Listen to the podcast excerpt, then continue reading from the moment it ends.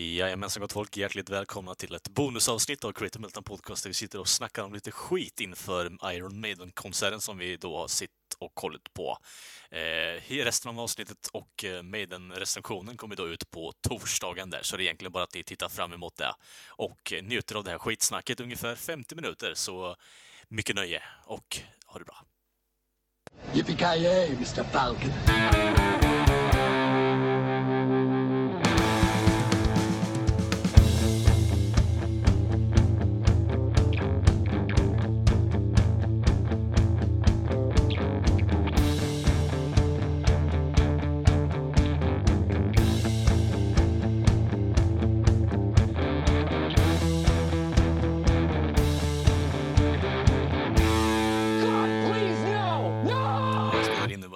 Så kör på om du känner för det.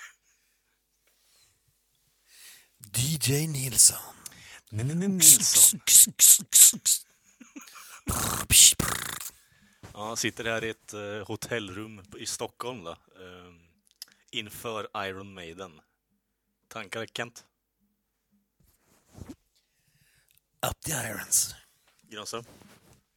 Det här kommer att bli jävligt kul det här alltså. Fan vad jag tackad. Vi har ju hunnit med allting här. Alltså liksom dassproblem, eh, håna Kents nakna ben här. För övrigt för våra kära lyssnare så Kent, jag och Kalle sitter här i vanliga stolar i raklängd position. Kent han ligger med underkroppen bar. Det här är... Eh, jag vet inte hur man ska beskriva det annat än nightmare fuel helt enkelt. Ja, vi får se om det går att spela in med två dreglande slabs här bredvid. ja, det är tur att vi har mickskydd på det i alla fall så det inte blir förstörs liksom.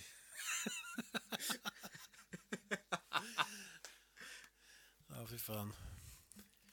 Här sunkigt hotell på Södermalm. Ja. Tre män och en baby i 15 kvadrats hotellrum, jag vet inte. Ändra det till matbebis i alla fall så är vi på språng liksom.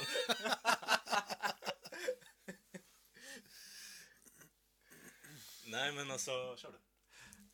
Ja men alltså Kent och Kalle, ni hade ju liksom hunnit kolla lite grann på de tidigare spelningarna som Iron Maiden har gjort på den här äh, turnén, kolla låtvalet så att säga. Och Kent som kanske är den största fantasten här då, vad tyckte du om låtvalet? Du har varit ganska hypad ändå får man säga. Ja, det var, det var alla låtar som jag ville ha med i princip. Eller, alltså, de har ju så jäkla många låtar så det är svårt att säga. Svårt att få med alla, då skulle det vara liksom en 20 timmars konsert, men av, av de som liksom måste vara med och eh, ja, eh, jag tycker att den såg riktigt, riktigt stark ut. Man vill ändå ha lite greatest hits. Det är väl en sak om man ser bandet liksom tio gånger per år, då kanske man vill ha lite variation. Men för oss som inte ser dem så jäkla ofta så, så man vill ändå höra de, de bästa låtarna helt enkelt kan ju tilläggas då att det här är ju första gången som jag och Kalle ser bandet och Kent har sett dem en gång för länge sedan när tiden var ung ungefär. Så att... Eh, ja, jag, räknar inte ens den gången för att jag kunde inte ta in det magiska som är Iron Maiden. Alltså jag var ju i moppeålder, cirkus, så eh, ja. Men jag har alltid fått intrycket att du har sett dem typ sju eller åtta gånger eller någonting. Ja, man kan ju tro det. Jag, jag, jag, lyssnar helt mycket på band, men jag brukar inte vara på så jävla mycket konserter ändå. Det, det är faktiskt eh, inte jätteofta jag är det. Så. Jag tycker ändå det är rätt tragiskt att man inte gör det i slutändan i alla fall, för det är en, det är en upplevelse som man nästan tar med sig hela livet efteråt också, om man har, är på en bra konsert också. Så det är ju väl värt pengarna om man kommer rätt. ja, ja, men, ja, det säger jag ingenting om.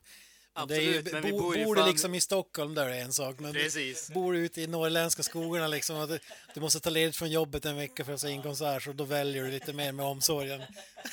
när, dina, när dina närmaste grannar är en isbjörnsfamilj så där har man inte så ofta chanser att se lokalt, eh, lokala spelningar så att säga. Ja, men så är det Jag köper det. Jag köper det. En Öskefura till alla ära, men man, man spelar sig less på dem också faktiskt. Jo. alltså det, det, är en skam att uh, Eddie Meduza inte lever. Då hade det ju varit livespelningar varannan vecka misstänker jag då. Vad sa du nu? Jag hängde inte med. Jo, jag tänkte att eh, om Eddie Meduza hade varit levande så hade du varit, på, lives hade varit på livespelningar varenda vecka liksom. Ja, ja, ja. Runky ball och så vidare. Nej, men alltså, du har ju kollat listan, eh, sett listan ganska närgående nu har vi ju fått reda på i alla fall. Så men... finns det några höjdpunkter för oss som inte lyssnar så mycket på bandet annars? Ja, men, Ja, men, eh, eftersom det är inte säkert att det blir exakt den eh, listan. Jag, jag tycker att vi skippar setlistan och snackar. Vi kan ju ta det efter spelningen i så fall och se vad. eh, Men alltså så, så länge Hello Be Thy Name är med då, då är jag nöjd i princip kan man säga. Sen finns det ju, då skulle vi köra Sign of the Cross och det är ju en personlig favorit. Så jag hoppas att man får, får höra den också. Men Personligen känner jag ju att pricken över i skulle ju vara Blade 2-teamet alltså. ja, alltså den. Oj, oj, oj, oj. I Against I-låten, Most Def. Alltså jag, jag känner eh, a cappella-version här. Fan, höra Bruce Dickinson köra med resten av snubbarna, det, det kan bli magiskt det här känner jag. Alltså nu, jag, jag känner att jag, jag skruvar upp mina förväntningar bara genom att säga det där så att... eh, Alltså, skulle de köra en bit från Blade 2 soundtrack då skulle det ta livet av en där och då för att man kan ju aldrig toppa det ögonblicket liksom. Det, Det, det är liksom eh, the pinnacle of human achievement alltså. Det, det, ja men det är faktiskt så. Ja, jag vet. Göra eld, hjulet, fuck that, Iron Maiden playing Blade 2 soundtrack, oh yeah! Kalle håller på att dö här i närheten. Nej, men vi, vi, vi kan ju ta lite om det. Jag och Granström pratade här innan eh, på vägen hit att eh, det var folk som gnällde liksom att man blev spoilade av, över konserten, alltså vad som hände på scen och vilka låtar som ska spela och sådär. Vad, vad säger du Kalle? Har du, bryr du dig om sånt? Alltså det... Jag är ju, jag är inte riktigt sån här som, det är inte så jävla mycket scenarbete bakom de banden jag lyssnar på vanligtvis, men ehm, det lilla jag vet om Iron Maiden är att det är väldigt alltså, teatrita, teatraliskt, liksom, mycket krigssymboler och liknande och musköter och skit på den fronten. Så det, jag kan förstå att man tycker att det är, blir spoiligt eh, och drar upp någon form av scenkoreografi överlag, om det nu ens finns någon. Men eh, jag vet inte riktigt, de har inte gjort så jävla mycket nytt. Det är mycket krig och sånt, så det är ju någonting alltid kretsande kring det, misstänker då, eller? Det låter som en jävla Sabaton-spelning. Alltså. um, ja, men det ligger väl någonting i det. Men det väl, eh, öppningsnumret här har jag faktiskt kikat på innan en bit av och det, det var ju riktigt häftigt. Eh, Riktiga props och grejer. Mm. Det är ju inte så liksom eh, Eskiföret som sagt i all ära, men de kör ju kanske inte en eh, liksom eh, e-, eld och grejer och, och tar med sig en gigantisk eh, Eddie-figur eller sådana grejer. Så det, det tillför ju ändå någonting. Mm. Ja, men jag tänker mig ändå att jag kan köpa att det är riktiga hardcore-fans som ändå ser fram emot spelningen och ändå kanske ser dem bara en gång varannat år eller något liknande om den kommer förbi deras stad. Då kan jag köpa att det blir lite segt om man får allting spoilat, men för min del spelar det ingen riktig roll. Jag har inte kollat på någonting eller så det blir ju så first impressions för mig i slutändan också. Ja, fy fan. Ja, men så är det ju. Men sen är det ju också det här, alltså, så som med allting annat, det är en helt annan grej att se det live än att liksom se det på en videoupptagning eller att liksom höra någon annan berätta det liksom på andra hand så att säga. Även om liksom, vad fasiken gör det? Vad, liksom, vad, vad är i praktiken spåret? Oj, de har en Eddie-robot på scenen. Holy shit! Är det verkligen någon som liksom känner att nej fan, alltså jag kan inte gå och se Iron Maiden, nu är allting spoilat för mig, nu vet jag de låtarna typ som de kommer att spela. Det, det finns ingen poäng längre. Det, det jag känner här egentligen är att eh, det bandet som jag är mest alltså, inne på är ju AC/DC och de har ju haft samma setlist sedan typ 80-talet, så det är inte... Går man dit och säger att man blir spoilad på det så kan jag tycka att man, då får man känna man ett slag i bakhuvudet liksom. Men på något sätt så känner jag att det är ungefär på samma nivå som eh, med Iron Maiden i slutändan. Ja, men så, här- så här, om jag ska gå och se Boomfunk MC, då vill jag inte... då, då vill jag liksom, det ska bli en surprise om de kör, free, om de kör freestyle eller inte liksom. Det där kan ju vara världens bästa grej, att man sitter och går på en Boomfunk MC-konsert och de sitter och cockteasar den i en och en halv timme liksom på den där jävla låten. Folk som är upprörda liksom, jag har spoilat hela konserten, att jag ska freestyler. Och spela freestyler, helvete! Och Boomfunk MC sa, ja det är den enda låten vi har gjort så vi spelar den 15 gånger sen är det klart. Nej fan alltså, det, det känns ju, det, det är ju som att eh, Nick och the Family inte skulle spela Hey Monica alltså. Det, det är liksom Ja. på den nivån. Fast å andra sidan, är de smarta skulle de ju bygga upp det här och liksom spela introt det första de gör och sen så kör de liksom andra låtar som ingen någonsin har hört och sen kör de resten av sången som avslutning också. typ när de har gått av scen och spelar de det bara på PA ungefär. bara för att jävlas med folk. Jag tänker mig att det om någonting kan ju vara det största alltså, crowd eh, alltså, displacen i man- världshistorien i slutändan. De kommer ju gå därifrån innan de redan spelar den skiten. Ja, men om man ska säga ett undantag, om man ska vara seriös ett tag, det var ju faktiskt att den här spelningen har de gått ut med innan att vi ska spela låtar som ni alltså, absolut aldrig hade räknat med att det skulle lira. Så, så på så sätt kan jag ändå, men när jag säger setlistan så är det liksom det är inte jättemånga överraskningar så, det kanske, jag tror, så jag tror att det, i det här fallet hade det nog varit bättre att kika på den innan istället för att bli besviken och typ tro att man ska spela liksom B-sides från eh, The Lost Tapes ungefär. Nej, men, så eh, ja, jag, jag förstår det lite grann men jag tycker samtidigt att det är löjligt. Fan, jag hade ju, om jag fick välja mellan att veta noll låtar som skulle spelas eller alla, då hade jag ju tagit alla.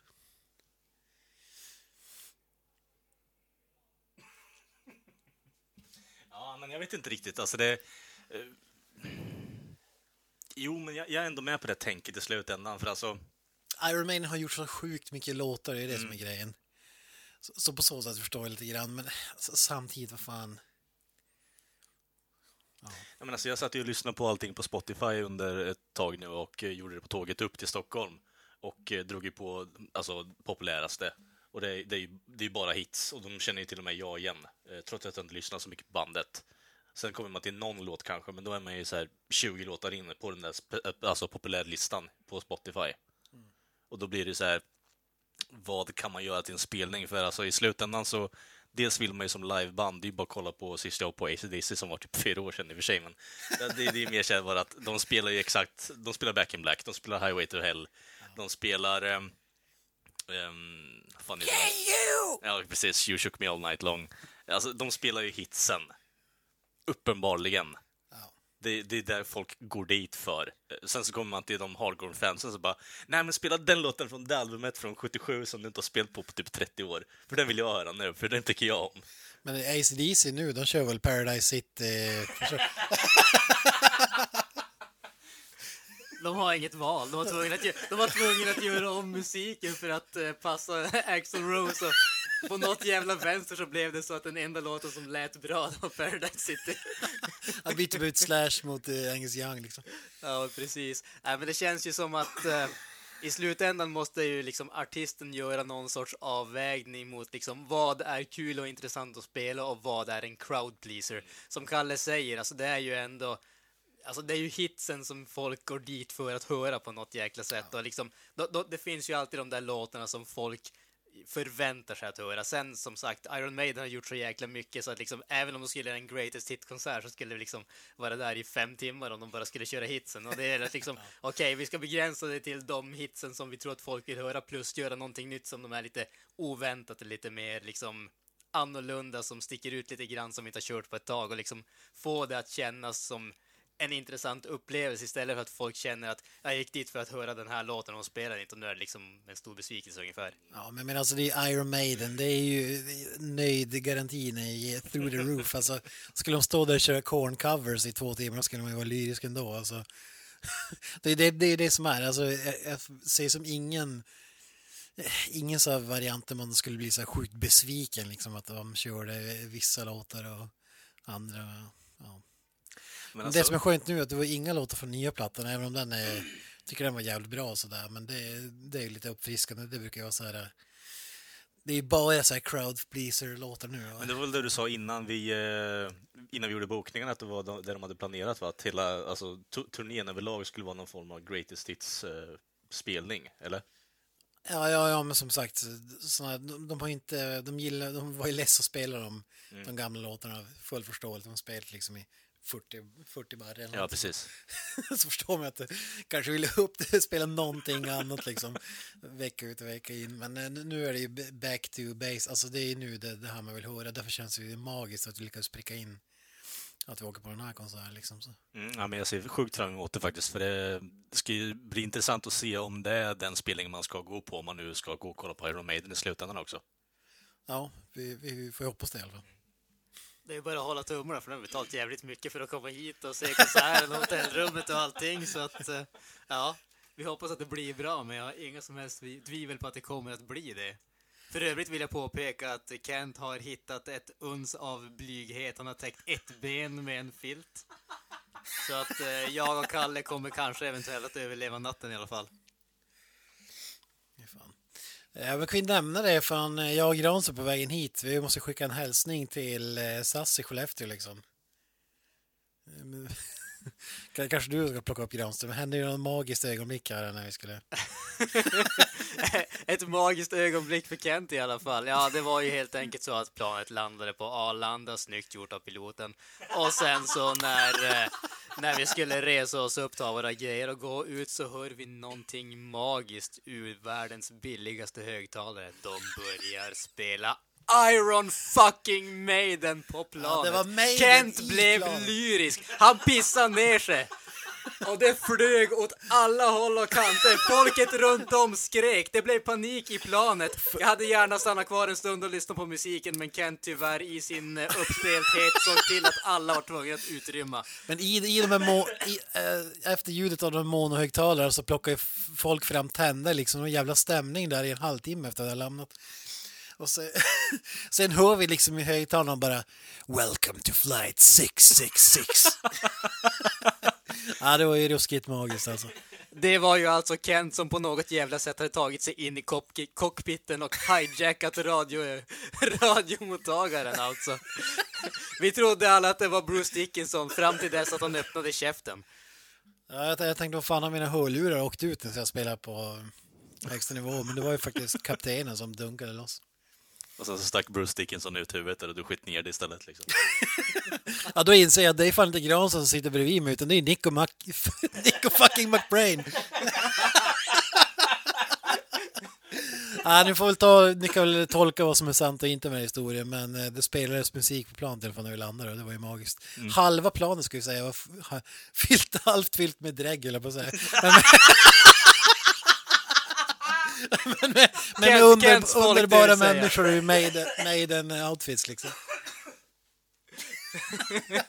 på tal om det. Alltså dräggen var den andra halvan som inte hade Maiden-tröjor på sig. Ja, men på tal om det alltså. Det, det, jag vet inte riktigt. Nu, nu är jag ute på djupt vatten. Nu sitter där med Maiden-fan deluxe liksom. Men på något sätt så får jag det förknippat med massa bandytröjor. Att det har blivit lite dräggigt de senaste 10 åren, eller 20 åren där någonstans. Med bandtröjor. Ja, men alltså att det, det förknippas med drägg typ. Du sitter här med en meme-tröja så jag vet inte vad fan Jag sitter där med en eh, bandtröja själv, så jag vet inte riktigt. Jag tror det var meme, vad fan är det för någonting? Det är Off, det är eh, hardcore punkband från eh, Kalifornien. Ja, jag somnar. Ja, visst. Ja, Okej, så känner du själv som en drägg då, eller med andra Ja, men alltså, jag vet inte, det blir förknippat med att, alltså att folk ser otvättade ut och... Alltså det, jag tycker så här, det är skillnad på hur det, den här tröjan ser ut. Alltså det, det, det är det som är grejen liksom. Men vad är det som gör en alltså, dräggig bandtröja då, om vi kommer fram till det istället, Kent? Ja, Om det inte står Iron Maiden på den, det är ju dräggigt. Okej, ja. ja. ja men jag, jag kan förstå varför du tycker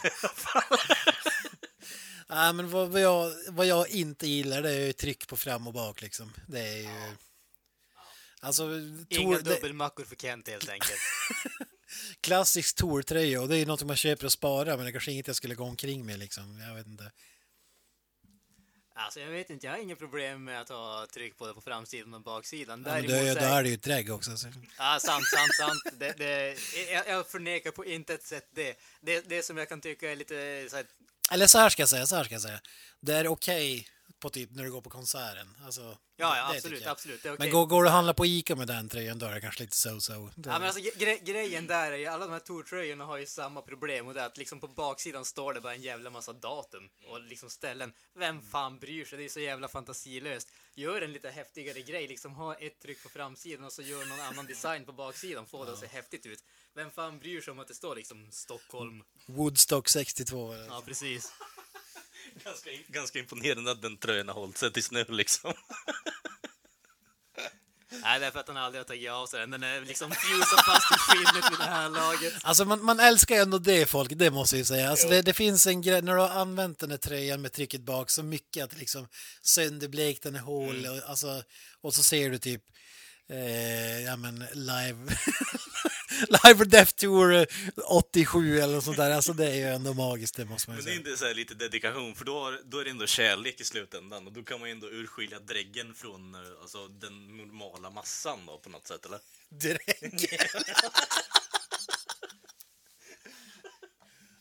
ja, men ka- kanske mer att man säger att det är ett riktigt fan snarare än någon som köpte en, eh, en bandtröja Ja, en gång för ett band som man aldrig hade hört innan.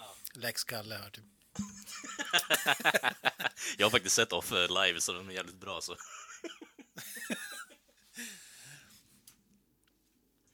Allmänt då boys, ni, som sagt, alltså, ni pratar just om att det inte är några stora, om man säger, livemusikmöjligheter som vi går på så där ofta, bara för att vi är liksom, vi bor ute i vischan där eh, det finns inga andra människor helt enkelt. Livet är tragiskt och vi är en tragisk podcast, men sånt är livet.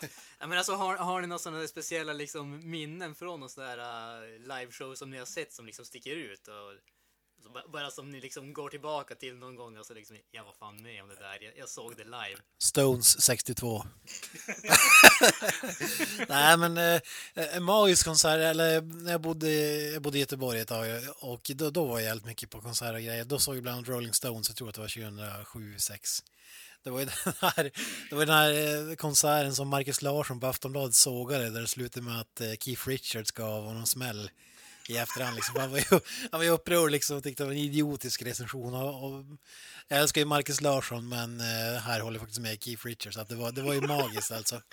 När de körde Paint It Black. Eh, ja, det, det var rus- ruskigt bra alltså. Det, det, det är en av de bättre jag har varit på. Jag, jag kan tänka mig att eh, Keith Richards inte var så jävla ung då, så han ju, får ju mer cred av att han lyckas slå till en eh, recensent på det sättet Ja, också. de hade ju ganska nyligen dammat av honom då. Jag tror han hade ett break på ett tag innan där om jag minns rätt. Ska inte svära på det men. Eh, Jag tycker inte vi ska fastna för mycket på ett spe- speciellt fall, men jag har ändå en grej som jag tycker är riktigt bra med Keith Richards, det är att han aldrig fucking dör överhuvudtaget vad han än gör.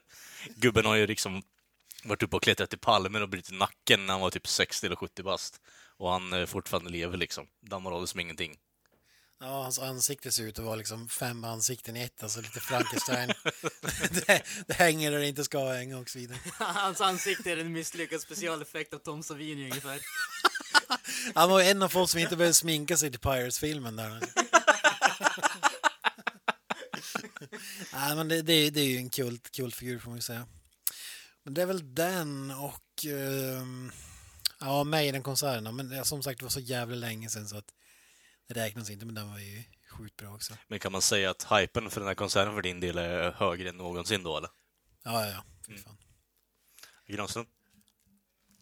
Jag har pratat om det lite kort tidigare. Alltså, för mig så är det förmodligen uh, Anthrax på House of Metal förra året. Det, det var ju grym upplevelse. Bortsett från, om man säger, den konserten, eller de spelningarna som var där. Jag, som sagt, jag har inte varit på så där jäkla mycket ändå. Jag tror att liksom antalet gånger som jag har varit på en konsert specifikt med ett band, det tror jag kan räknas på en hand. Annars har det varit typ såhär Peter dansar, Peter dansar och ler och sådana grejer. Så det, är, det är kanske inte riktigt de häftigaste artisterna på sådana E-Type. tillställningar. Ja, precis. Fan, man har väl sett eh, Thomas Ledin typ fyra eller fem gånger tror jag vid det här laget. Stackars människa. Ja, men det var ju... Det är lite synd att Peter Dansler inte längre... Alltså det finns ju kvar, men det är ju inte musikfestival. Nej, alltså det, det är ju inte alls på samma sätt som det var tidigare. Jag menar, det, det är ju just när de gjorde det gratis och ja, hela den biten för att få dit folk. Alltså, visst, det är ju trevligt att inte behöva betala inträde, men det har ju... All sån där liksom, allt intresse man hade för festivalen. Förut var det ju liksom ändå en, en grej kändes som. Det är liksom, nu närmar sig Peter dansar och ler, nu är det liksom Det är musik. bara ett öltält ute på en stor parkering. Liksom. Ja, men precis. Det känns ju lite grann så. Det är liksom... Förut var det ändå folk som får dit för musiken, nu får folk dit för att supa. Förut liksom får man dit för musiken, men man söp ändå. Man. Äh, man får dit för att supa, men det fanns musik också skulle jag säga. Jag skulle säga att det var, jag, jag skulle säga att det var liksom tvärtom. Jag skulle säga att det var tvärtom, så att det är så det har blivit nu ungefär. Det är liksom någon som slår på en radio på väldigt hög nivå nu ungefär. Alltså, jag som är från Norrköping kan ändå eh, attestera till att det är många där som är förknippar eh, Peter Dansalin med enbart fylla, alltså det är ungdomsfylla framför allt också. Vad fan är de kallar det? Su- Piteå super och spyr tror jag. Ja, jag tror det.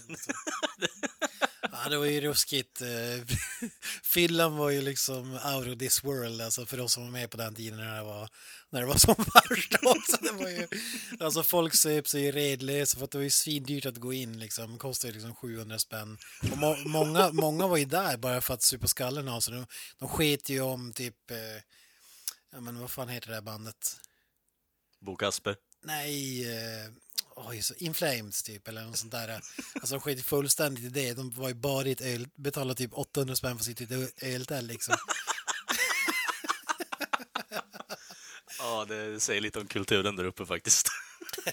Jag hade ju en bra historia på tal om In Flames. De, har ju lirat minst två gånger i Piteå i alla fall, på Piteå Dansoler.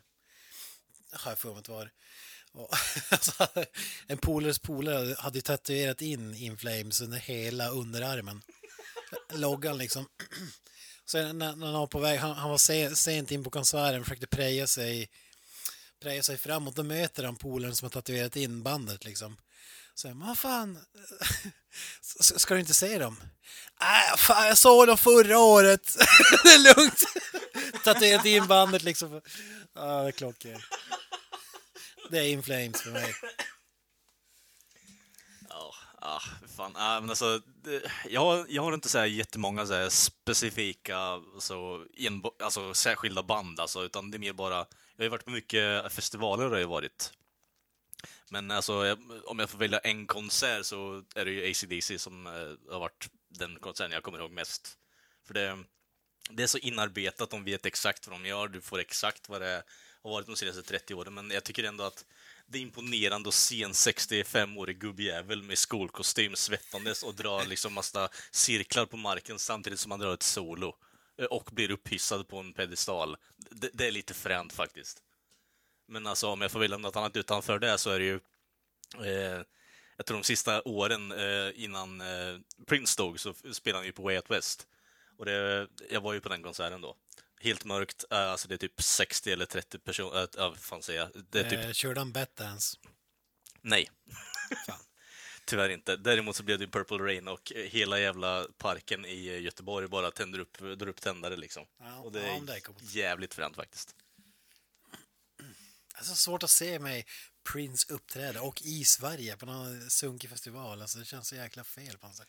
Men alltså utifrån det som eh, alltså, Kevin Smith har berättat med alla de jävla konstiga historierna så kan jag förvänta mig att Han spelar in musikvideos, typ eh, 40 stycken. och ja, alla är och släpper de inte, de bara stänger han in i ett valv liksom och sen bara nej, jag kan få göra en dokumentär med dig, eller snälla du är så jävla bra på det här med du gjorde Dogma, det är ett väldigt bra religiöst eh, budskap. Eh, har du kollat på Dogma?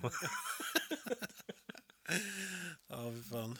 Nej, Jag tycker en av de bästa historierna, det är sådär som man läst på internet givetvis, det menar sanningshalten är ju tvivelaktig, men och- och en som jag läste var just det här att Prince hade ju typ hyrt ett hus av någon snubbe. Det var så här, typ väldigt trevligt hus sånt där. Ganska lyxigt givetvis, det är ju Prince. Och inga konstigheter med det. Och sen, eh, vad heter det, ja, frågan om man liksom, ja, kan man få liksom möblera om lite grann? Snubben, det är väl okej, men han skulle ju ändå ha huset ganska länge så att jag menar, han får väl göra det sitt lite grann om man säger så. Och sen så, ja, då får ju, vad heter det, Prince ifrån när han då haft ett år eller vad fasken det nu var och snubben liksom återvände till huset. Då hade Prince liksom bankat ut väggar, han hade gjort en frisörshop eller frisörsalong i liksom köket eller någonting åt det hållet. Det var alltså, han hade typ, han hade fontäner med någon sån här som vatten som rann som var liksom alltså inomhus och sånt och han hade typ gjort om hela jävla huset. Alltså, nu får jag möblera om. Ja, okej. Ja, det låter fan troligt alltså. Men det är så mycket skit som florerar kring den människan så allt man hör tror man ju nästan på i slutändan. För alltså, han är ju så pass excentrisk utifrån det vad man vet själv. Så att det skulle ju lika gärna kunna vara sant, allting man hör. Visst var det Chris Tucker som var superpolare med honom? Eller vad fan var det? Eh, jag tror det, men annars så är det ju så här Charlie Murphy-fenomenet Ja, som, ja, som ja, man ja. eh, tänker mest på. Fy fan. Det har vi snackat om hundra gånger också med Chappelle Show och Ja. eh, Charlie Murphy. Alltså, Charlie Murphy!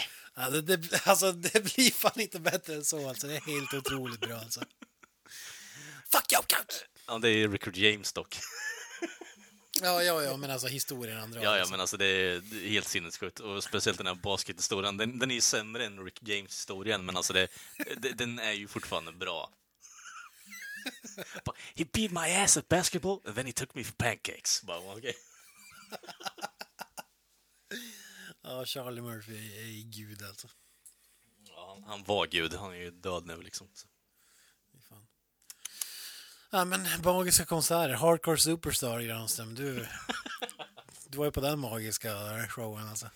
Ja, fan alltså. Är det så att man vill ha eh, musikens motsvarighet till att eh, onanera med sandpapper så Hardcore Superstar kan varmt rekommenderas. Nej, käften. Det är ett magiskt band alltså.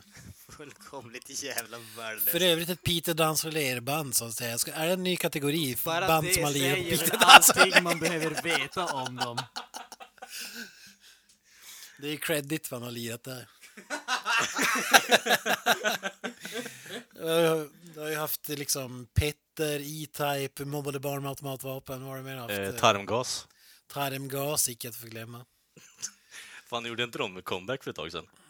Ja, det är det några år sedan nu. Det var Va? Men det var ju typ när- Farbror, farbror Gösta kan man söka på Youtube. Basturunk är jävligt bra också. på tal om det, när vi är inne på den här eh, kön, könsrocksgenren. Eh, frontfiguren i Ghost, Tobias Fo- Forge, eller For, hur uttalar han namnet? Ingen aning faktiskt. F-O-R-G-E. Ja, precis. Den snubben, frontfigur i Kiss, jag höll på att säga. Men i, i Ghost är typ ett av världens största band just nu, känns det som i alla fall. I alla fall, ja. De har ju blivit väldigt stora. Det, jag tror att liksom, vad de säljer är de väl inte giganter, men de är ju väldigt omtalade och väldigt liksom...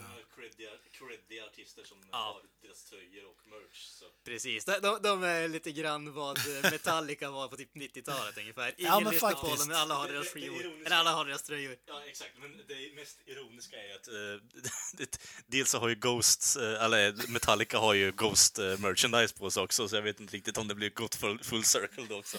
Det var, det var lite så när man fyllde 15, liksom. Här har du din moped och här har du din Metallica-tröja. Lite-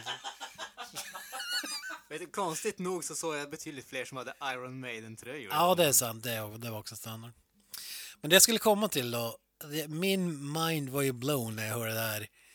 I poddens absoluta husband eh, är ju, ja det är väl Maiden i konkurrens med det här bandet, men Tobias Fo- Forge, eller Forge eller vad man nu säger.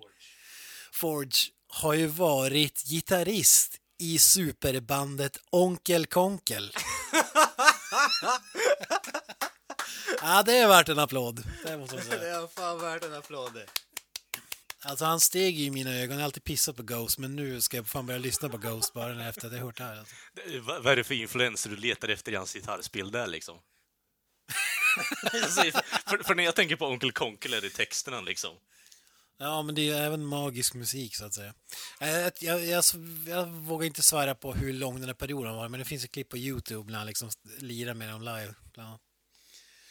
Underbart, underbart. Ja, alltså det, det, det är lite fränt med, med sån typ av kuriosa, men alltså det, jag vet inte riktigt. Det, Många storheter som har gått via Onkel Konkel.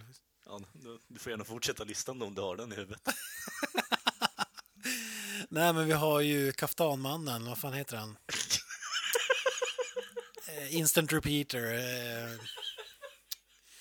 Oj, så dumt. Abbott. Nej! Ebbot. Ebbot Lundberg, eller vad heter han? Ja, från vad? Ah, han har inte, han har varit, han inte alltså. varit med i bandet, men han var väl en... Eh, det var väl hans största influens var väl Onkel Konkel om man minns rätt.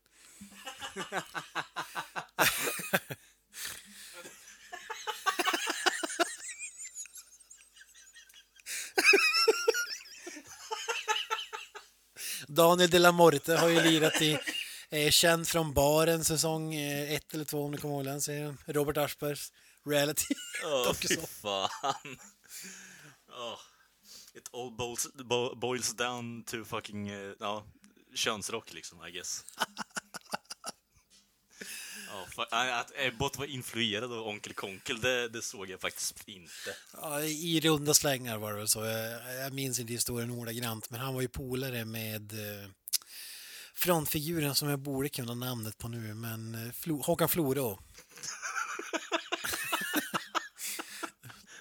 De skrev väl eh, texter och så vidare. Det var ju magisk text.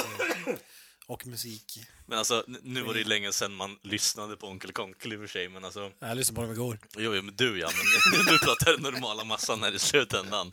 Alltså, vi har ju snackat mycket om Håkan Floro på skoltiden och liknande. Är det, Ja, ja. är det de som har gjort covers på covers på massa... Eh, typ Aids of Spades, eller vad fan det var? Jajamän. Tjuren har... Ja, du har ju, där har du ju diskografi som heter duga alltså. Alltså, det, det där känns ju som att det, det, det är definitivt antingen någon epatraktor, alltså musik, eller att det är på landsbygden deluxe bara. Nej, för fan. Det, det här är så mainstream det kan komma. Ja. Det- För alltså, det, det, det sista jag kommer ihåg som vi satt och lyssnade på, både du och jag och Knösen, det var ju Aids och Spades, och det var ju på något sätt, jag vet inte. Det är en av de mest okända låtarna, men det är ju en, guld, eh, en guldklimp. Men alltså, det var ju ändå lite på något sätt alltså, psykedelisk influens, sist jag kommer ihåg det i alla fall. Det var ju ett tag sedan jag lyssnade Det är på lite Nine Inch Nails uh, åt det hållet. Och, och eh, göra om en Motörhead-låttext, eller låtnamn liksom. Mm. Ja. Har du har lyssnat på eh, Onkel Konkel Granström? Du var i den åldern. Den här musiken spreds väl när vi gick kanske låg mellanstadiet ska jag Ja, tippa. precis. Alltså det, det var ju... Gick som en eh, löpeld genom Piteås eh, gator och torg. Ja. Nej, alltså nu har jag lyssnat på dem, men eh, uppenbarligen inte så pass att jag kan nämna låtar på samma sätt som ni kan. Nej, alltså det var ju liksom, som sagt, alltså när, när alla andra lyssnar på dem, absolut, då lyssnar jag på dem också. Men det håller ju att vara liksom 25 år sedan vid det här laget, så att... eh, Ja, det, jag kan inte påstå att jag liksom har koll på vilka som var med eller låt, låtar eller någonting åt det Vi måste hållet. köra en Onkel Konkel special. Back to the roots så att säga. Nö- Nöjd med Iron Maiden nu. Nu ska vi inte pusha det här. Jag tänker mig, du har ju, om du nu lyckas eh, vinna movies, alltså Summer Movie Wages, så har du ju en öppen chans där. Ja, Nu har du ja, det är fått- sant. Nu har du ju för sig Maiden-specialen som du har drömt om sen vi började podden liksom på gång. Så Mm. Ja, får vi se Flora special kanske. Det kommer att bli en till Maiden special. Ja, det, ja, det kan bli. Det är, en Maiden special behöver inte stanna vid ett liksom. Maiden special del 2. Jag har ju lärt mig från Metallica. Unforgiven, Unforgiven 2. Finns väl Unforgiven 3 också. Jag tror det finns fyra också faktiskt. Fy fan. Ja, vad jag trodde. Ja, det, det, det, allt går neråt efter tvåan. Eller ja, efter ettan om vi säger så. Alltså Unforgiven 2 kan jag köpa för det är så 2-2. Alltså det är både två och alltså en annan betydelse av ordet. Men vad sjunger de i de andra? Unforgiven 3 eller Unforgiven 4? Jag, jag måste erkänna att uh, trean kommer jag inte ihåg hur den lät, men tvåan var ju ändå en eh, bra låt tycker jag. Första är ju också bra, sen vet jag inte. Uppenbarligen så är inte trean värd att komma ihåg, så kanske säger tillräckligt. Jag kommer ihåg jag köpte singel till, CD-singel till Unforgiven 2. Det var ju under sellout-tiden här, det var low reload-tiden. Visst var det så? Alltså, jag, jag köper att man är lite mer inne på den eran, men alltså, jag fattar inte att man kopplar Metallica till den eran helt och- hållet alltså. Ja, för mig är Metallica reload. Och det, det, var, det börjar och slutar där liksom. Ja, alltså, jag, jag kan förstå det på sätt och vis, för det var ju ändå liksom... Det, det var ju ändå när de skulle vara rockband mer än metal om man säger så. Alltså det, det var ju ändå en sellout-period och sen har de försökt liksom stega tillbaka efter det. Kan väl diskuteras hur bra de har gjort det eller hur väl de har lyckats i liksom folkets ögon. Och jag menar, det, fin- det finns väl någonting att säga för att låta att, att låta musiken utvecklas och bli annorlunda men samtidigt så går det från eh, en eh, extremt håll till liksom någonting annat extremt kan det kännas. Det kan kännas väldigt ytligt och väldigt som sagt väldigt sellout att man gör det bara för att liksom få mer lyssningar, få in mer pengar och hamna på radion istället för att det liksom har hänt på ett organiskt sätt så att säga. Ja, så är det. Men jag tycker alltså, det, anledningen till att jag lyssnade på dem var ju för att den skivan var ju ny när man var lite snorunge. Jag vet oklart hur gamla man är, men Om jag får gissa mig till typ. varför du började lyssna på dem då, är ju, jag, jag, jag är nästan helt hundra på att det är Mission Impossible 2 som fick dig att lyssna mer på bandet. Nej, det var, det var senare. Det, det måste det ha varit, va? Nej, För de, I Disappear gjordes väl enbart för soundtracket, eller? det är exakt den skiveran vi pratar om. Ja, men, eh, ja, men jag, jag, jag vill minnas att det, anledningen till att jag lyssnade på den, det var väl snarare MTV-tiden och eh, vad heter det, Vox Pop eller vad fan hette. Ja. De, de lirade ju Unforgiven 2 där, vevade ju den. eh, 20 sekunder av varje låt som spelas upp med musiksnutt och, och, och MTV-eran skulle jag vilja säga var anledningen. Det var ju där man hittade liksom ja, men Nirvana och eh, alla de här banden som, som snurrade där liksom. Fy fan. Alltså, jag kommer faktiskt ihåg. Jag ska inte svära på att det är första gången som jag hörde Iron, Iron Maiden, första gången jag hörde Metallica. Men det var åtminstone första gången jag var medveten om att det var Metallica. Det var hos en gammal klasskompis, jag tror jag skulle tro mellanstadiet, någonting sånt. Han hade en bränd CD-skiva på tiden då man höll på med det. En bränd CD-skiva av And Justice for All. Fan. Det var, det var good shit. Det var good shit. Det roliga med att det, där kommer ju folk tycka det är blasphemy, men jag lyssnade på Reload, tyckte om de låtarna, eller skivan, och eh, sen när folk började spela så här Black Album eller vad det heter, Ja. så jag bara, så, vad är det här för skit? Alltså, ge mig Reload!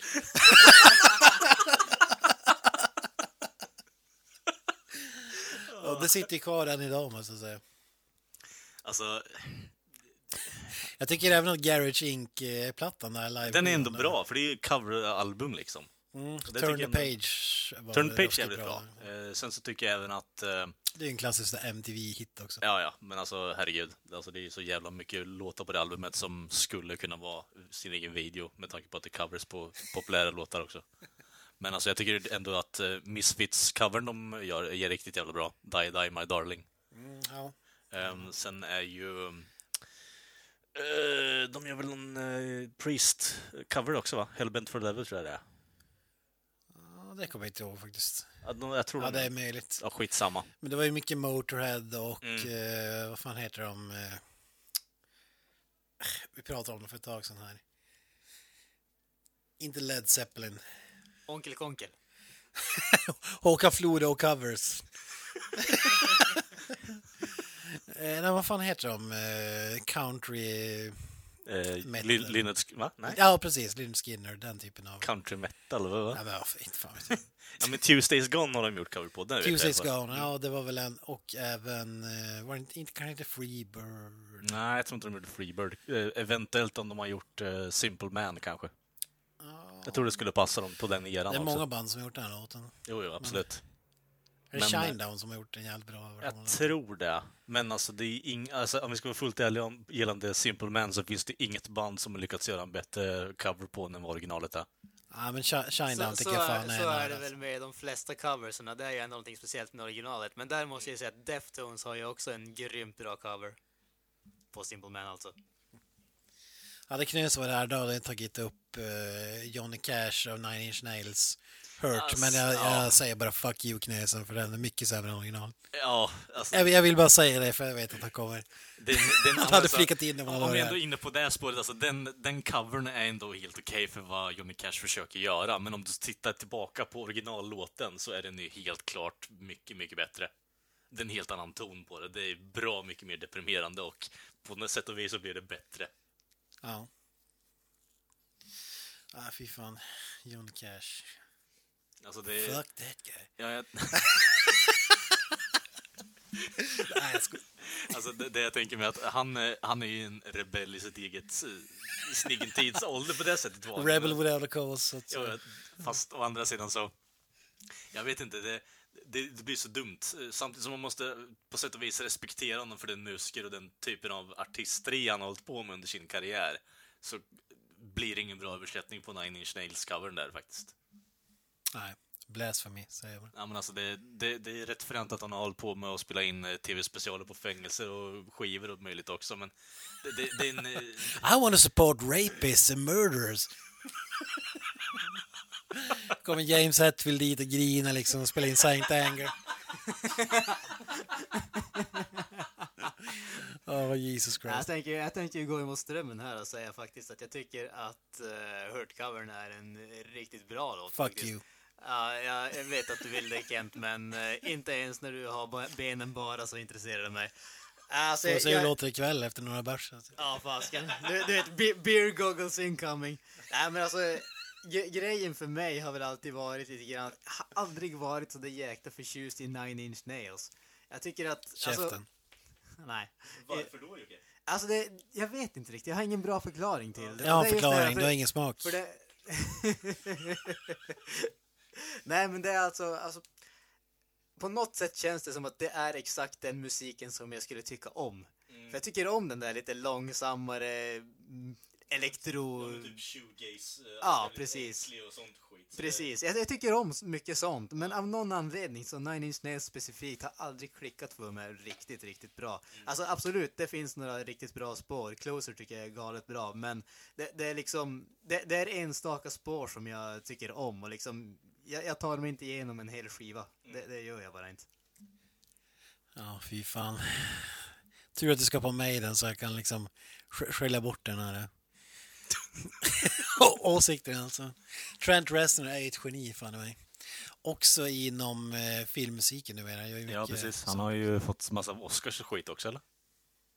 Ja, det hoppas jag. han vann en Oscar för Social Network. Ja, men precis. Han eh, Det misstänkte... var kanske inte den häftigaste Nej, nej, men filmen att det han, är, han är inte dålig på att göra musik, det är inte det, utan det är mer bara att man får lite mer recognition för det också. Men eh, sen så kanske man kan få det för en annan film än just den.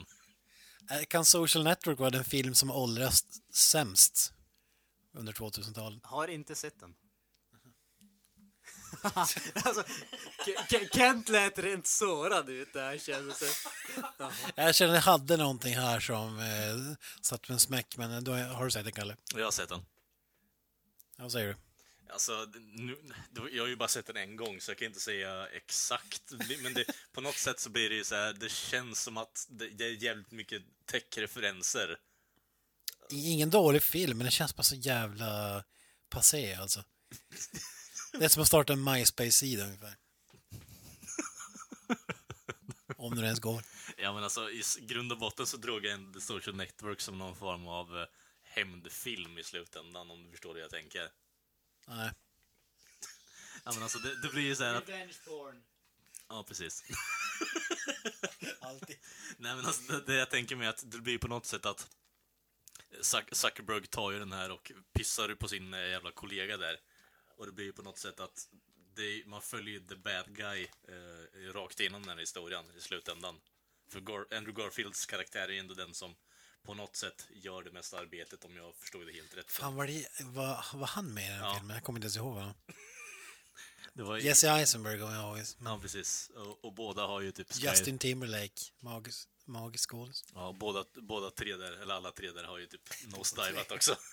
Grammatik. Fy fan. Words are difficult. Yes. ja men vad fan ska vi klappa ihop den här butiken och så återkommer vi efter att vi har fått våra nötter sönderkrossade av Maiden helt enkelt senare ikväll. Blow our fucking brains out.